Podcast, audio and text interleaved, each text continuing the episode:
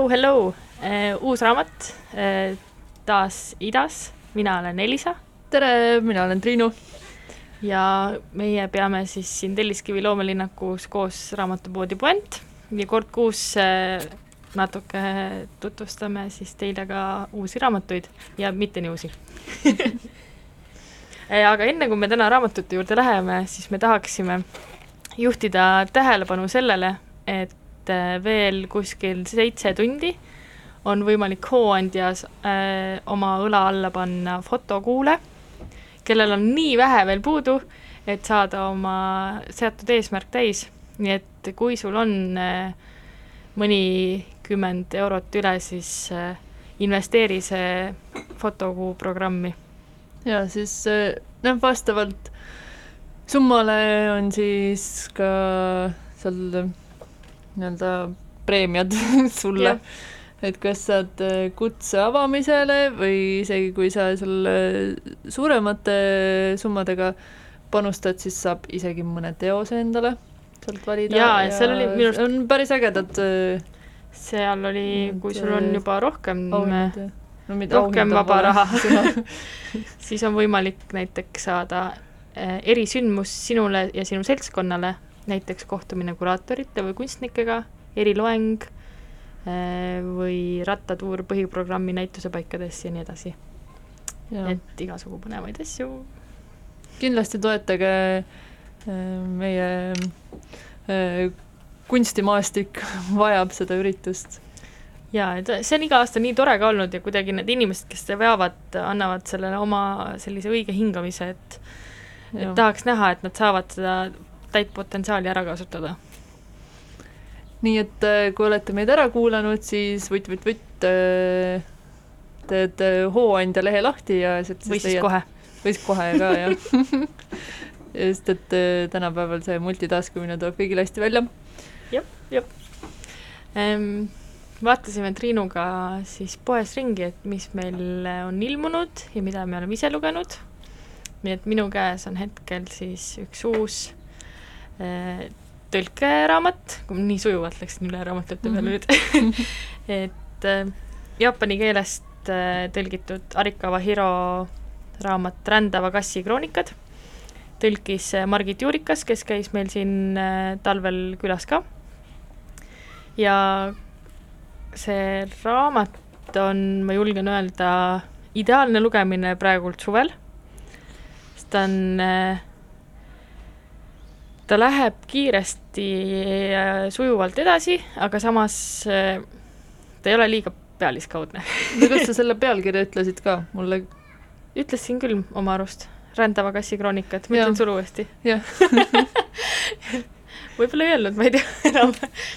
aga miks ta on siis rändava kassi kroonikad, on, ta on äh, ehitatud üles kui äh, kassipäevik või selline sissekannete formaat, aga tegelikult avab siis see autor läbi selle kassi ühe mehe lugu, kellel ta räägib äh, seda, kuidas nad oma, oma peremehega siis rändavad ja otsivad talle uut peremeest, aga samas nagu läbi sel-, nende lugude, kelle juures nad käivad, avab siis selle, Satoru on selle mehe nimi, tema minevikku ja tema sõpruskonda. et äh, siin on, mis mulle, mis mulle väga meeldib äh,, mis ongi täiesti noh, tõlkimatud asjad, on äh, näiteks on, kassi nimi on Nana, äh, mis tähendab jaapani keeles seitset sest kui kassile ülevalt vaadata, siis ta saba moodustab justkui seitsme sellise krõnksu. Ja selle Satoru eelmine kass oli Hachi, mis tähendab jaapani keeles kaheksat sest kui jaapani keeles on kaheksa kanji, siis see on nagu kaks sellist äh, kaldkriipsu üksteise poole, üks on lühem ja teine on pikem. ja siis selle kassi näos oli siis äh, justkui see kanji ja nad olevat siis ka väga sarnased olnud, need kassid, eh, just välimuselt. ja ka sellest kassist jäi see omanik ilma üks hetk, kui tal vanemad surid ja ta pidi kassi andma sugulaste kätte, sest ta ise läks mm, oma ema õe juurde elama, kes ei saanud töö tõttu kassi pidada. ja mis siin, üks oli see tõlkimatud asjad ja siis siin Margit on jätnud väga lahedalt sisse ka selliseid Jaapani-päraseid väljendeid, mida ma ise lugesin neid eh, oma peas nagu mingisuguste hääletoonidega et ma arvan, et see tuleb välja, sest siin on kohati see, nad on jäetud kursiivi ka, et sa saaksid aru, et eh, on otsetõlge tehtud või või mis mõt-? ei, ta on nagu, ta on sellised nagu väljendid, et jaapan, jaapani keel on hästi häälitsusrikas, et kui mm -hmm. inimesed omavahel räägivad, siis nad häälitsevad hästi palju, et kui mina, sina, praegu mind kuulaksid ja kui sa oleksid jaapanlane, siis sa äh, iga ühe või kahe lause tagant häälitseksid, et märku anda, et sa ikka veel kuulad mind oh. et siin on nagu selliseid asju sees, et näiteks yeah.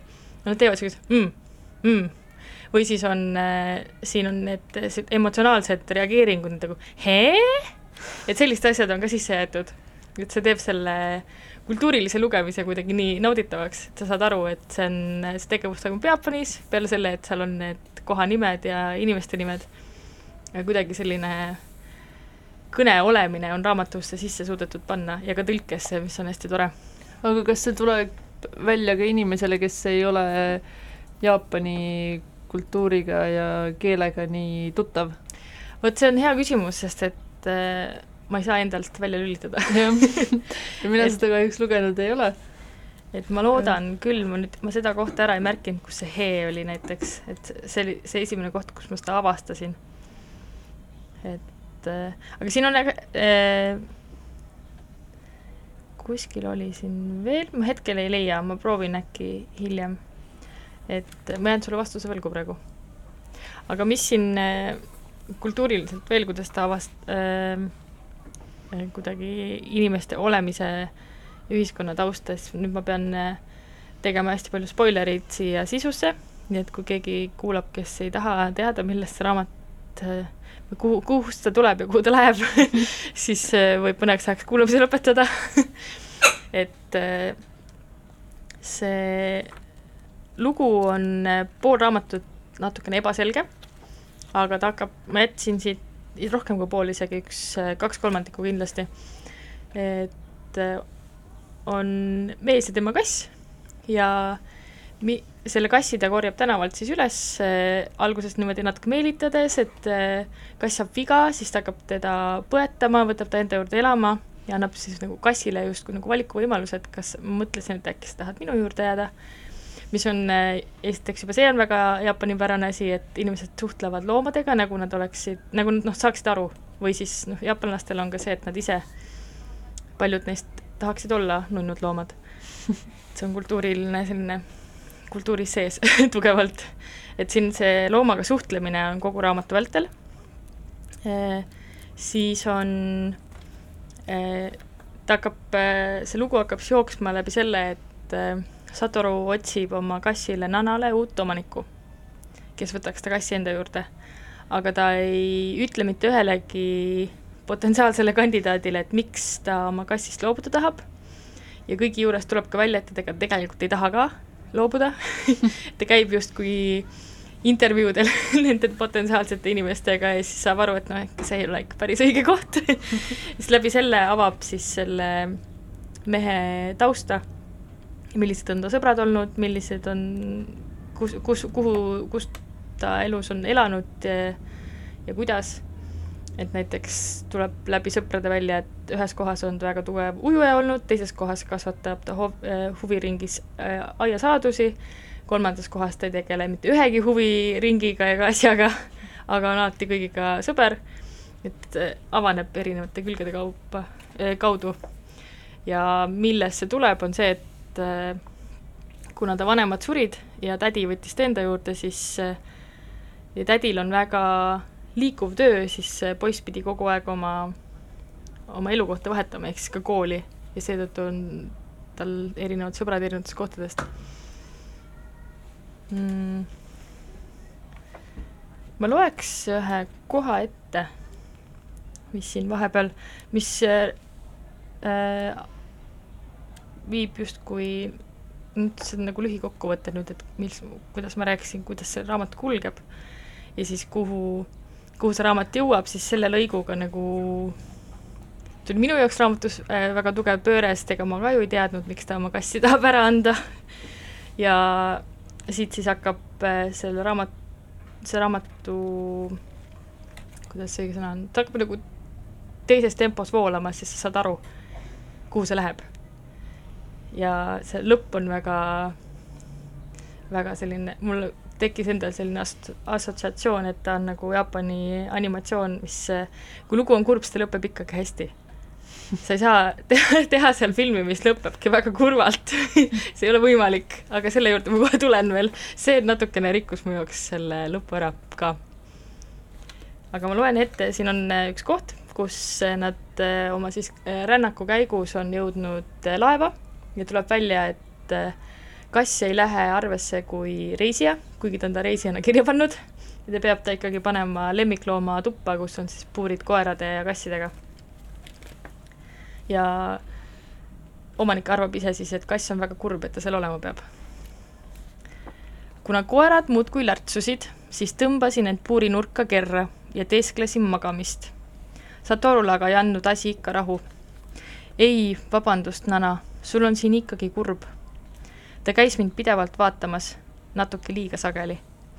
ma ju ütlesin, et pole vaja nii tihti käia. kuna ta käis tihedamini kui teiste loomade peremehed, hakkasid koerad varsti mind narrima. nii kui Satoru jälle minema läks, lõugasid nad kooris.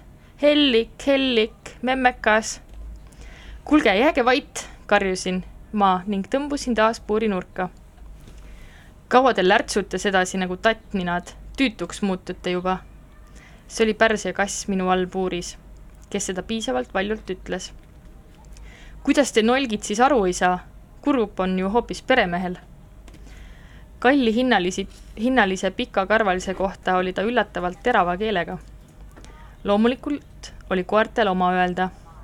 no jaa, aga peremees oli ju see, kes ütles, et nanal on kurb. Koerte kohta on teil ikka vilets nina. kaua te siis ei haist-, kas te siis ei haista, et tema peremeest ei ole enam kauaks? seepärast tahabki ta võimalikult palju oma armsa kassiga koos olla. see pani puert-, koertel suu kinni viimaks hakkasid nad sosistama. kui kahju, kui kahju. nojah, kui aus olla, siis ega see just teab mis sosin ei olnud. kuid olgu, nad on veel noored ja rumalad. ma tänan.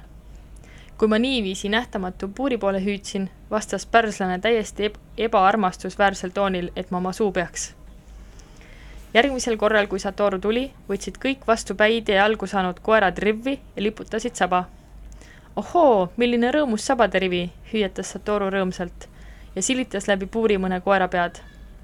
Nood olid küll üsna ullikesed, samas kuulekad. ja siit siis läheb edasi veel eh, veidi seda loomade omavahelist olemist.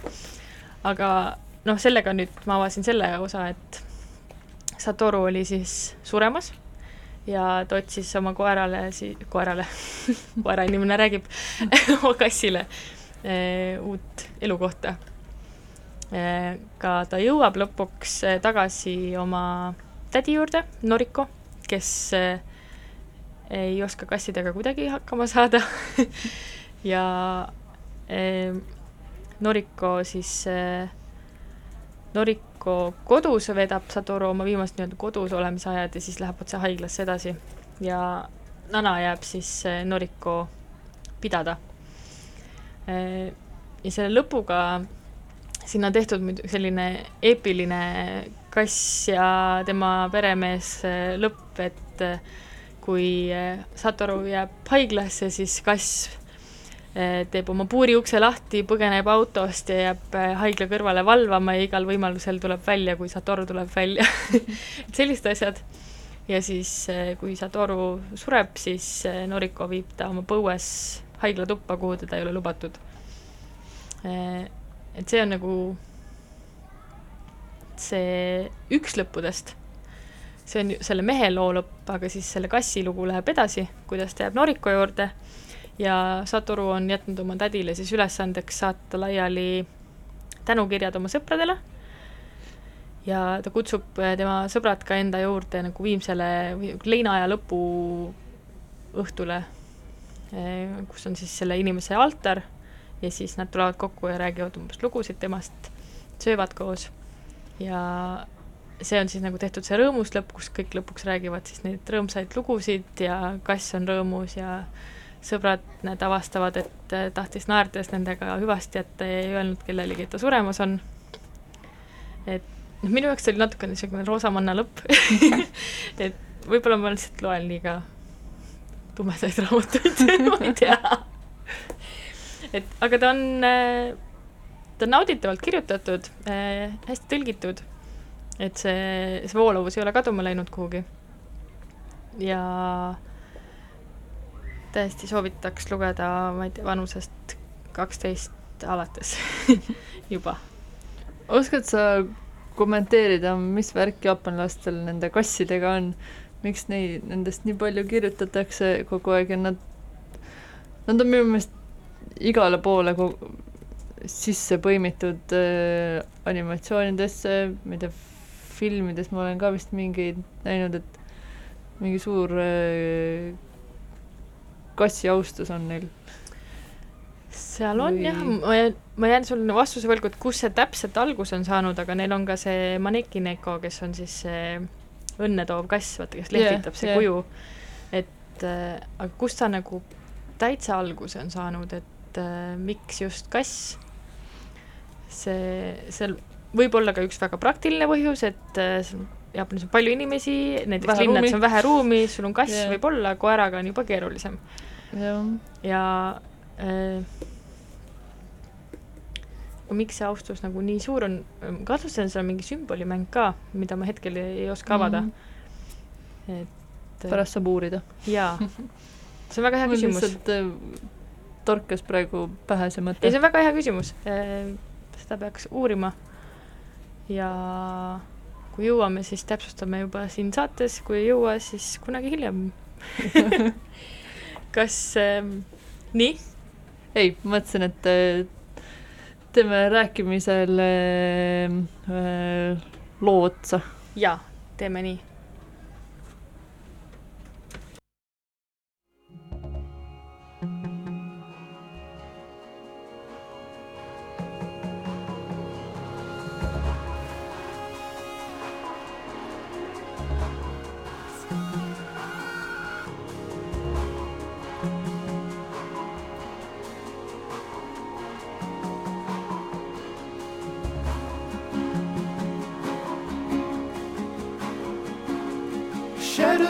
history.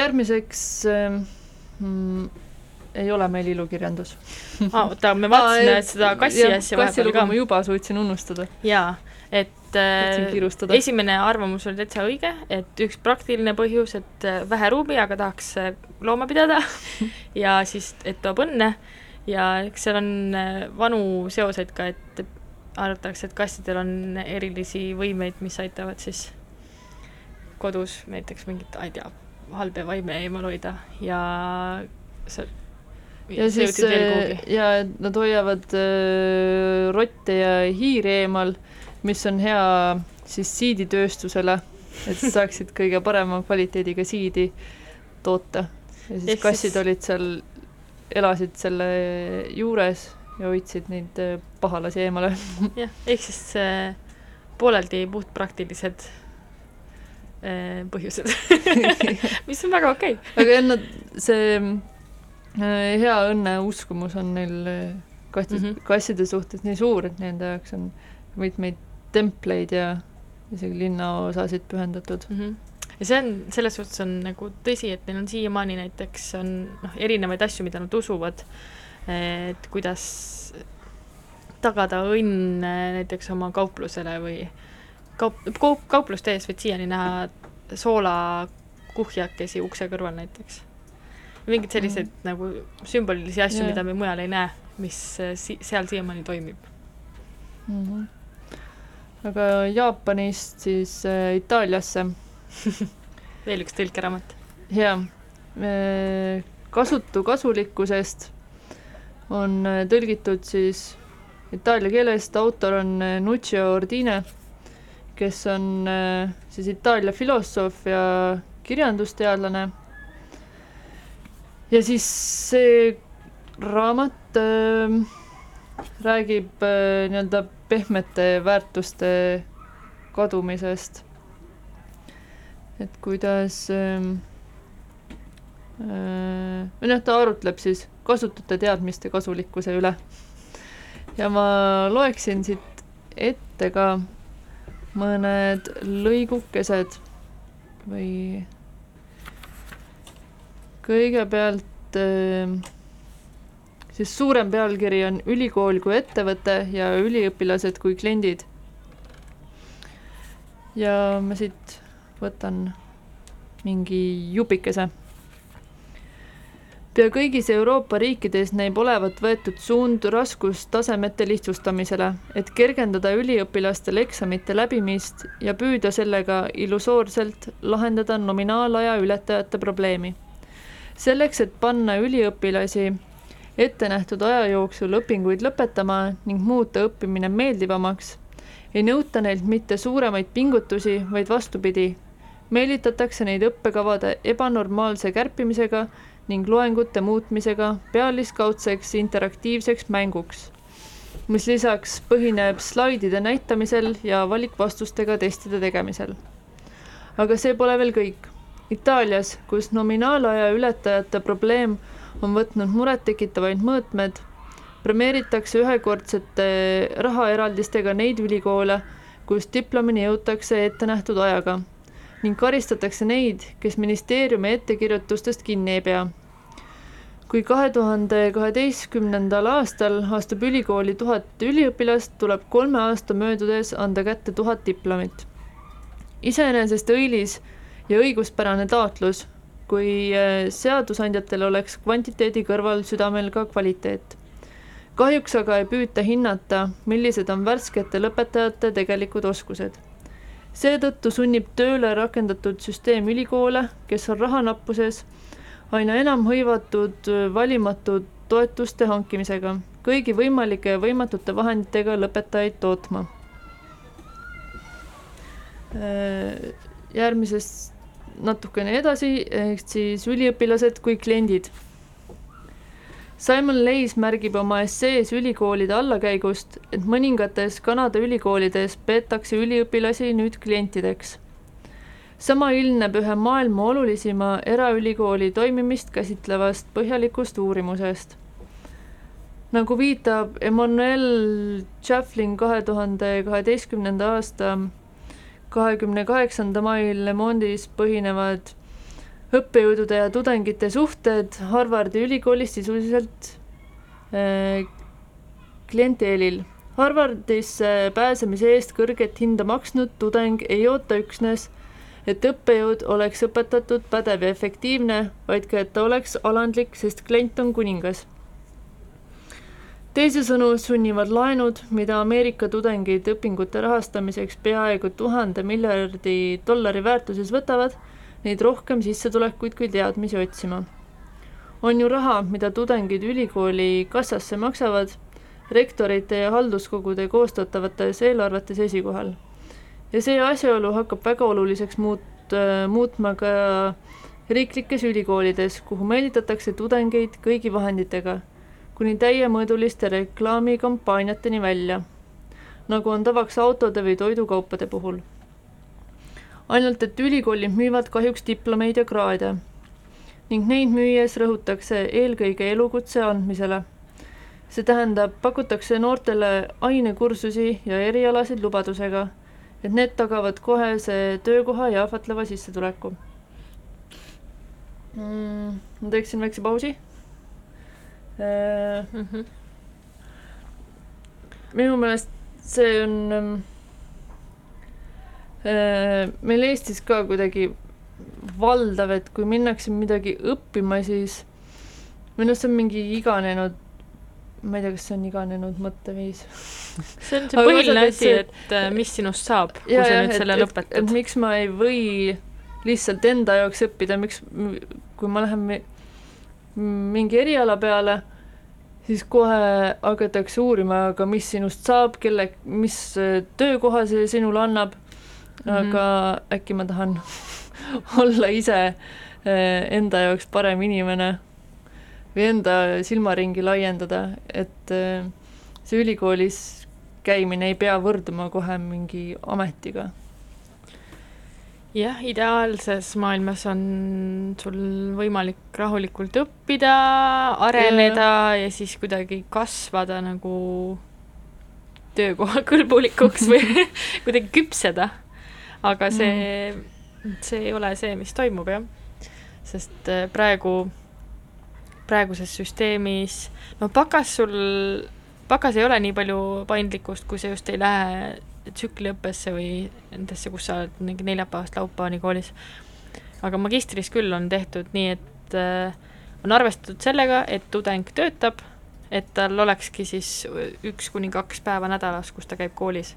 mis tegelikult võiks olla pigem ju nii, et sa võtad aega, et õppida, keskenduda sellele, mida sa teed. jah, see on, ma olen seda teravalt tundnud uuesti koolis olles. ja see, mis nad äh, räägivad sellest äh, tudengist kui kliendist, meil ei ole nii hull, sest meil on ja. enamasti ikkagi tasuta kohad, aga seda seda mentaliteeti, et äh, õpeta nüüd siis meile, et seda on küll.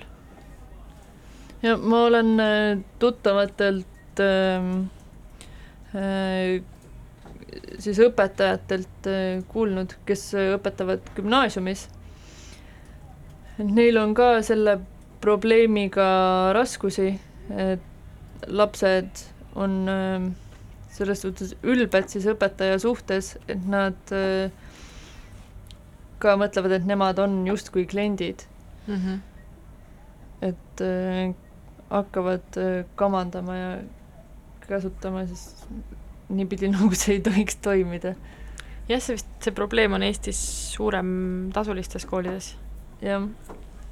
aga mis ei tähenda, et seda teistes koolides ei, ei oleks. see on kurb, sest ma ei kujuta ette, ma enda õpetajatele mõeldes siis ma ei julgekski neile vastu hakata ma mõtlen põhikool näiteks või, või ikkagi noh, see austus on nii suur, et ülikoolis läheb üle selleks, et sa arutled kaasa, aga ja. aga sul ikkagi see austus peab jääma. see on vist see, mis hetkel on see võib ka olla epideemiline, et ei austata üksteist.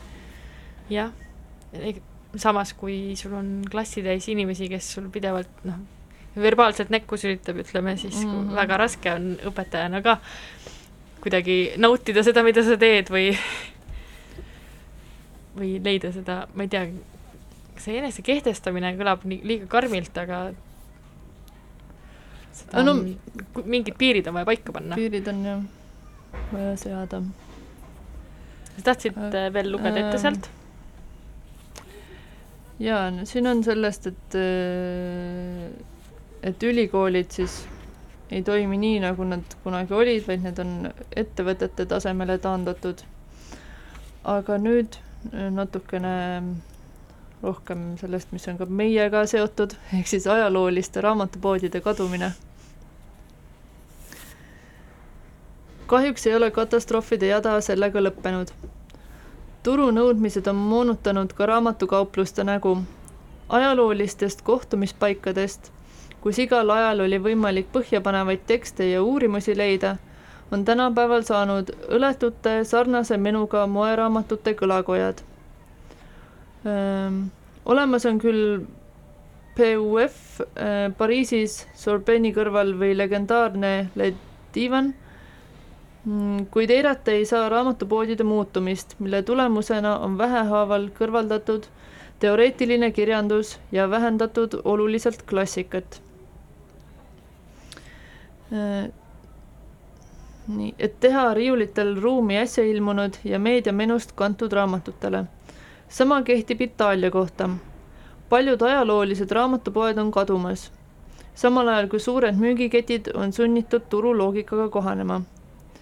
vähe on alles vastupanu saarekesi, kust lugeja võib peaaegu alati alustekste leida.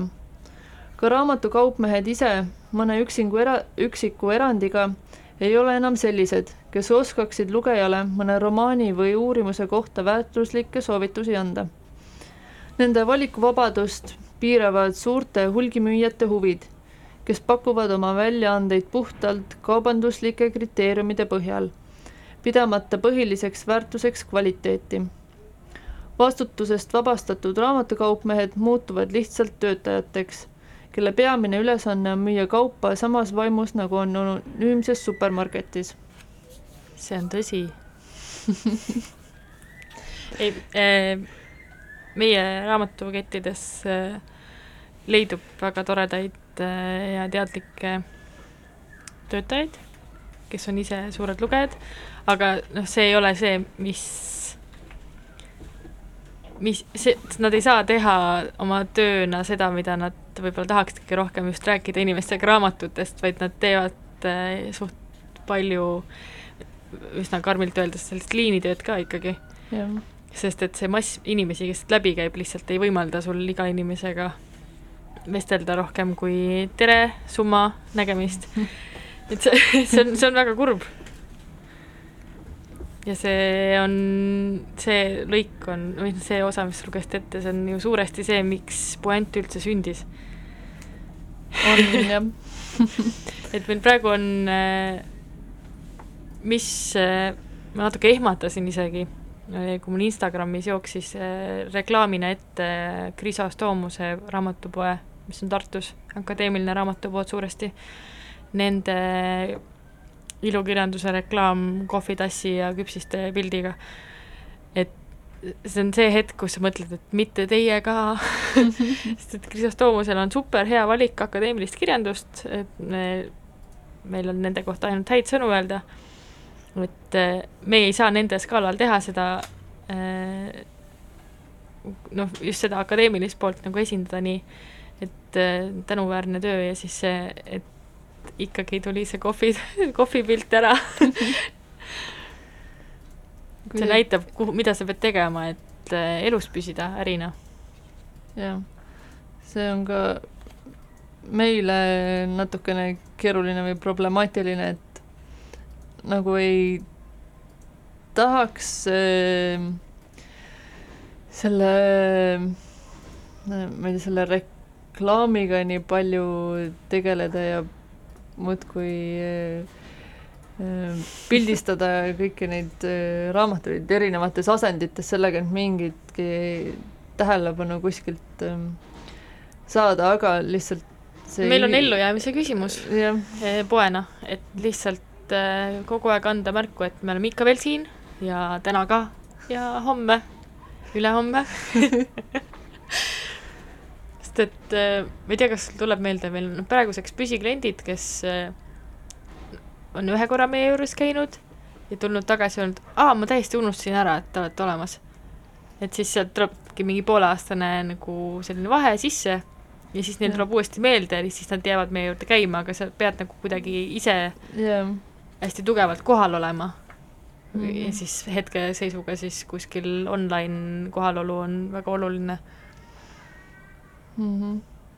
ja inimestel on kadunud ka see komme, kõigil on nii kiire ja internetis on mugavam, et äh, lihtsalt käia raamatuid äh, vaatamas mm, -hmm. mis on ka ei pea olema nii, et tuled poodi ja siis on kohustus osta, keegi ei käse. aga see, et sa lihtsalt tuled ja vaatad, lehitsed, mõtled, okei okay,, täna ma ei, ei jäänud midagi sellist silma, mis mulle võiks meeldida, saad järgmine päev või mis iganes järgmine nädal, ülejärgmine nädal uuesti tulla teistsuguses meeleolus võib-olla, siis mm -hmm. Mhm. äkki jääb midagi näppu. et äh, seda mm, otsimist on kõvasti vähemaks jäänud. mm. -hmm. tihti on see, et inimesed tulevad, ütlevad, noh, on ka niisugune liinitöö, et tulevad, teavad, mida tahavad, võtavad kohe vutigi minema, Mm -hmm. et võiks rohkem avastamist olla. Ja eh, see, selle avastamisega on veel üks tähelepanek poest, just, et kuidas avastamist noh, on, aga millisel skaalal on see, et need asjad, mis meil on nägu ees, laua peal, need liiguvad Jah. poest väga kiiresti välja jah, ja tihti sel-, need asjad, mis on riiulis olnud eh, seljaga, neid, näiteks ei ole mitte ühtegi eksemplari ostetud. ja nii kui paned selle laua peale, siis hakkab müüma. ja see on äh, igapäevased tähelepanekud. sest et ja samas ma ise olen tundnud väikeses raamatupoes, et äh, et ma tekitan ebamugavust, kui ma olen seal liiga kaua. inimesele, kes siis äh, vaatab mu selga, kuidas ma raamatuid uudistan pikemat aega juba ja siis sel hetkel ma tundsin küll kohustust, et nüüd ma pean küll midagi ostma ma plaanisin seda nagunii teha, et toetada, see oli Gruusias mm. -hmm. kohalikku raamatuäri siis ja üldse nagu, kui ma juba seal olen, siis ma jätan nagu väikestesse kohtadesse oma raha maha, aga kuidagi see tugev pilk mu seljal kogu aja aga võib-olla see on kultuuriline erinevus äh, ka, et kui kui meie poes oleme, siis me tavaliselt tegeleme enda asjadega, samal ajal kui teine või noh, klient äh, midagi uudistab, vist, aga mm -hmm. äkki Mhm. sul seal Gruusias oli see natukene kuumaverelisem pilk oli siin, võib-olla hakkas sind häirima või ei? ei, seal Ei, oli see vist olnud- see, ma oleks hea meelega temaga suhelnud, aga see oli inglisekeelsete raamatute pood, aga see inimene, kes seal tööl oli, ei rääkinud sõnakest inglis-, sõnakestki inglise keelt, nii et meil oli Ai. nagu juba see puudus nagu ühine keel, et selles suhtes oli keeruline. et äh, ja ma, see tekitas minust nagu segadust ka, et äh, et kui ta on inglisekeelsete raamatute poes tööl, siis miks?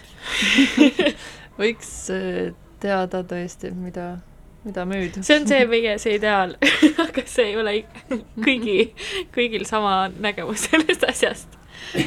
kas sa tahad äh, veel sealt ette lugeda? ma tahaks lugeda nüüd seda juba. Nagu see- täies mahus. ma alustasin äh, selle lugemist, siis äh, tundus väga põnev, aga praegu need äh, jupid, mis ma ette lugesin, siis tegelikult ma raamatust nii kaugele ise ei ole luge-, ei, ei ole jõudnud veel. No siis äh, tundub hea hetk teha üks laulupaus. jaa, ma tahtsin selle eelmise loo kohta ka öelda tegelikult midagi. see tuli välja üks äh, neli päeva tagasi ja Bon Ivory äh, tundub, et ta siin küpsetab uut plaati ja selle loo nimi on Fate ja mis on hästi äh, huvitav, kui ma kuulan tema muusikat, siis ma tunnen, ta on mul erinevate lugude põhjal, ma ei ole seda kunagi, seda fakti kontrollinud, et ta on ise tugevalt äh, religioosne inimene ja mina ei ole, aga kui ma kuulan tema muusikat, siis ma tunnen seda äh, kuidagi võimsust, mis tema saab sellest oma kogemusest. ja seda hommikul rongis kuulates mul ka oli mingisugune hästi tugev nagu sensatsioon, et tal on üks äh, Youtube'is on üleval, äh, kus a capellas ma jään võlgu, kellega koos nad on, nad on kuskil seitsmekesi laval eh,. Agapellas esitavad lugu Heavenly Father, mis on lihtsalt eh, täielik külmavärinad üle terve keha et suurepärane nii, aga nüüd on eh, Triinu, sinu valitud lugu. Summer. sest et suvi on. Yes.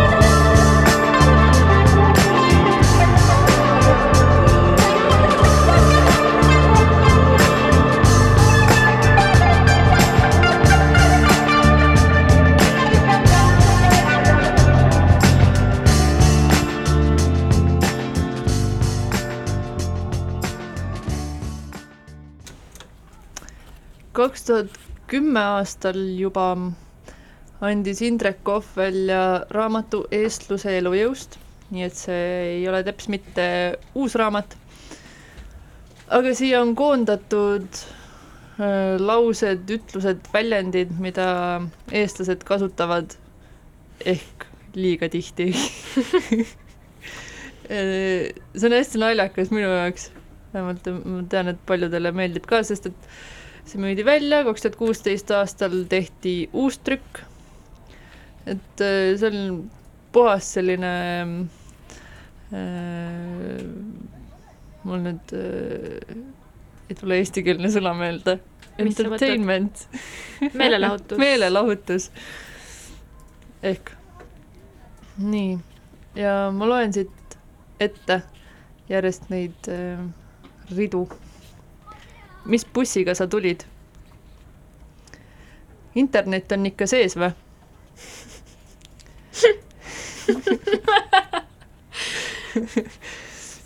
ja see oli Oleks- kunagi väga teema. jah. esimene miljon tuleb kõige raskemini kätte. kuhu me niimoodi jõuame? istuvad päevad läbi poe ees ja kaanivad õlut endale sisse. kohvi või teed? Nii äh,. sibul, küüslauk, tomatid, kurgid, kõik kasvatan ise ta ju ei räägi ka kunagi midagi. hea magus naiste naps. Lähme venelasi peksma. vaadake kõik minu poole. kes mind seal ootab, mitte keegi. ütle, kellele mind vaja on. ei, ma suhkrut ei võta, arst keelas ära oi kui head lõhnad tulevad tõesti. ei, vägev. nüüd peaks valmis olema küll. jah, nii see elu on. nüüd siin tuleb, vahepeal on ka natukene pikemat teksti, aga õpeta nagu oma last. kurat, kui räige pohmakas pea lõikab otsas nagu koore lahutaja. ma ei ole niisugune inimene. ärge trügige, võtke järjekorda. ma olen nii õnnelik. kus sa sellega? mul jumala pohhui. mul pole suuskigi enam alles. ega armastus ei küsi. aga mis see minu asi on? haige. kes sa niisugune oled üldse? ma olen mures su pärast. pisar tuleb silma, kui mõtled. issand, kui armas. mootorõli ei võta. Täiesti ületöötanud. töö kiire ja korralik jälgid pekised õllekõhud lödisevad ees. seda tunnet ei saa sõnadega seletada. hea, kui keeled suus. täitsa nitšavoo mm,. lüpsisoe piim. ole rahul sellega, mis sul on. mulle maitseb riisi ja neljavilja no ütle, mis sa ütled. jälle pole midagi vaadata. elav tuli on ikka teine asi. no jõuluks ikka koju tulete. paks laps on ilus laps. ole normaalne. Mis ma teha saan, see on mul geenides tulid meile kultuuri tooma omast arust. pane ära oma raha, klassika. mis ma seal väljamaal teen, mul siingi hea olla. jumala ilus pluuse, kust said? eestlase veri on nagunii segatud ju. Nad on ju harjunud käsu järgi tegema. kus pult on, keegi teab või? kas sööme väljas või? kes teid kutsus siia? laku perset raisk ah, ära küsi. inimeste säästud söödi ära lihtsalt. issand, kui armsad pehmed põsekesed. Mina ei saagi pükse osta, perse ei mahu sisse ära. ma mõtlen haritus, mitte haridus kus vanasti oskasid mehed õlut teha. ja autoostu luba ma ei saanudki. ära ole nii negatiivne kogu aeg ja paneme siia lõpuloo otsa. kohvi või teed? kohvi või teed